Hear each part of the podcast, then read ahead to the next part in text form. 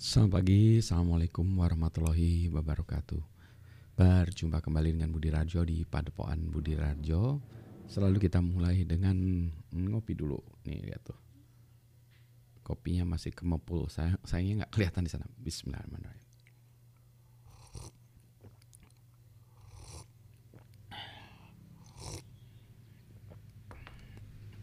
Uh, topik yang mau kita bahas kali ini adalah soal S1, eh, S2 dan S3. Nih karena peranan saya sebagai dosen yang banyak membimbing mahasiswa. Jadi sebetulnya apa perbedaan S1, S2, S3 gitu ya. Ini opini saya tentunya. Boleh jadi salah. Kemungkinan besar salah. Ini saya contek atau curi dari mana saya lupa ada orang yang bilang begini gitu ya. Jadi saya oh ini kayaknya uh, apa penjelasan yang bagus untuk dicoba ya. S1 itu adalah uh, kalau kita punya problem ya, problem atau masalah, masalahnya udah jelas. Masalahnya sudah jelas, uh, solusinya juga sudah jelas. Solusinya juga. Jadi ada masalah X, oh solusinya begini. Nah, tinggal kita melakukan eksperimen ya, melakukan eksperimen mencari uh, melakukan implementasi lah kira-kira melakukan eksperimen dan melakukan implementasi itu S1 kalau S2 masalahnya sudah jelas solusinya belum. Maksudnya kita udah tahu masalahnya ini tapi solusinya masih banyak. Ada bisa gini kemungkinan ini kemungkinan itu kemungkinan ini. Bahkan kemungkinan kita cari solusi yang baru gitu ya. Oh terhadap sebuah masalah tersebut gitu. Nah itu eh, S2 ya jadi kalau S1 itu predictable karena sudah tahu ya uh, ininya sudah jelas tinggal dieksekusi ya. Kalau S2 nih agak sedikit unpredictable sedikit ya uh, karena ya kita masih mencari solusi. Ya, solusinya yang sudah dilakukan orang ini ini ya kita mungkin beda dikit atau apa gitu ya. S3 masalahnya aja belum jelas, apalagi solusinya. Jadi kita harus mendefinisikan sebuah masalah yang mungkin bagi masalahnya itu bagi orang lain baru kebayang, oh iya itu ya masalah ya Oh iya ya itu adalah sesuatu hal seperti itu. Kemudian solusinya kita cari dan solusi ini harus menemui sebuah hal yang kebaharuan. Yang repotnya itu kebaharuan. Jadi selalu ditanya, apa kontribusi Anda kalau S3 ya eh, terhadap ini kebaharuannya apa gitu. Karena memang nilai kebaharuannya itulah yang dicari. Nah, itu yang repot. Kalau Anda meneliti satu topik ya yang sudah banyak orang meneliti di situ, maka kebaharuannya kan sedikit ya Ya, jadi kalau banyak orang penelitian yang lagi in ke sana, wah itu kebaruannya akan susah karena banyak orang ke sana ya.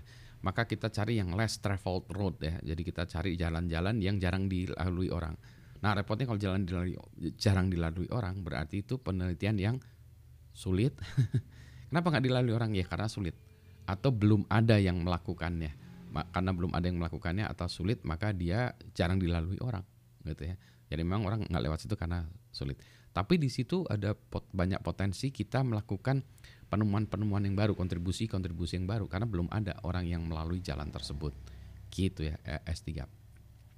Tapi semuanya nih ya bermuara pada masalah. Jadi harus ada masalah yang ingin dipecahkan apa? Bahwa kita bisa melakukan sesuatu atau mengerjakan sesuatu mm, itu bukan bukan bukan sumber masalah ya. Kita harus mencari masalah. Maka selalu ada research question, ya. problem statement, research question. Questionnya apa? Questionnya misalnya pertanyaannya apa ya? Uh, apakah uh, apakah uh, pendidikan dengan menggunakan uh, pendidikan online gitu ya, um, yang menggunakan Zoom lebih efektif atau enggak? Nah itu kan juga masalah. Kita belum tahu ya. Uh, jawab, uh, itu jawabannya apa? Itu bisa S2 ya. S3-nya agak susah ya. Uh, karena agak lebih berat ya. Kalau S1 misalnya uh, kita sudah tahu ukuran-ukurannya kemudian kita melakukan eksperimen ya. Kan eksperimen misalnya melakukan survei melihat uh, data mahasiswanya melihat ujiannya dicoba dengan eksperimen begini begitu dan seterusnya ya. Jadi uh, selalu harus uh, mulai dari masalah. Ya selalu dari mulai masalah. Semuanya harus mulai dari masalah. Yang kedua harus selalu melakukan studi literatur. Masalah itu sudah ada yang memecahkan atau belum Ya kalau S1 tadi oh sudah ada yang memecahkan begini begini begini dia menggunakan uh, microcontroller pakai Arduino. Oh, Oke. Okay. Kalau pakai Raspberry Pi bisa nggak? Pastinya bisa ya langsung. Atau kebalik ya, biasanya ini menggunakan program uh, dengan menggunakan komputer dengan notebook. Kalau dikecilkan dengan menggunakan microcontroller bisa nggak? Uh, misalnya udah ada orang yang melakukannya seperti itu, tetapi dia uh, frame per secondnya FPS-nya rendah. Oke, mari kita coba menaikkan FPS-nya gitu ya dengan apalah compression atau apalah nggak tahu ya saya. Oke ya, jadi itu. Uh, jadi asal uh, melakukan studi literatur apa yang sudah dilakukan orang dan kita compile ya. Misalnya uh, untuk masalah tersebut ya problem tersebut ya itu mungkin ada udah dilakukan orang dengan 15 penelitian cari paper-papernya. Oh ternyata di 15 penelitian ini semuanya dikategorikan bisa jadi tiga sebetulnya cara dilakukan. Nah tiga itu apa aja? Nah, nanti kita mau milih yang mana? Eh, mau milih yang ke satu, kedua, ketiga atau kita modifikasi yang kedua atau kita malah mengusulkan yang keempat ya gitu. Tapi selalu melakukan studi literatur. Studi literatur juga harus tujuannya adalah untuk mencari jagoannya di bidang itu. Itu kalau gini, kalau kita mau buat apa eh, perusahaan sepak bola gitu ya, maka kita harus ya, jagoannya di pemain apa jagoan di sepak bola itu siapa? Klub sepak bola yang paling ngetop sekarang siapa? Pemainnya yang paling hebat siapa gitu di lingkungan dunia turun turun turun sampai ke lingkungan RT RW gitu ya. Jadi kita tahu kalau saya bilang yang bau Rexo di situ siapa ya yang ini. Nah maka kita akan mengutip dia akan menggunakan dia sebagai acuan uh, untuk guiding lightnya gitu ya. Oh ini yang jagoannya ke arah sana. Berarti saya ngikutin dia atau menyimpang dari dia nggak tahu lah ya. Tapi kita harus tahu playernya. Jadi kalau nggak tahu agak lucu juga ya. Ini orang uh, mau buat klub sepak bola, tahu Ronaldo nggak?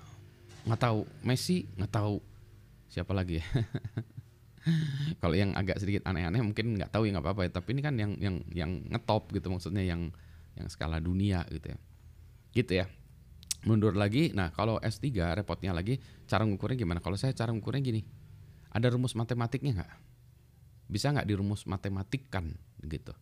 Misalnya eh, orang yang terkenal eh, itu rumus matematiknya apa gitu ya? Popularitas rumus matematiknya apa? Nah S3 itu harus ada rumus matematik karena di bidang saya di bidang saya kalau di bidang saya di bidang teknis itu harus begitu. Ada persamaannya nggak? Kalau ada mari kita kejar. Kalau nggak ada, hmm akan susah. Begitu ya, pagi ini singkat saja uh, supaya saya bisa ngopi dulu karena habis ngopi ini mau siap-siap ngajar juga. Selamat pagi, assalamualaikum warahmatullahi wabarakatuh.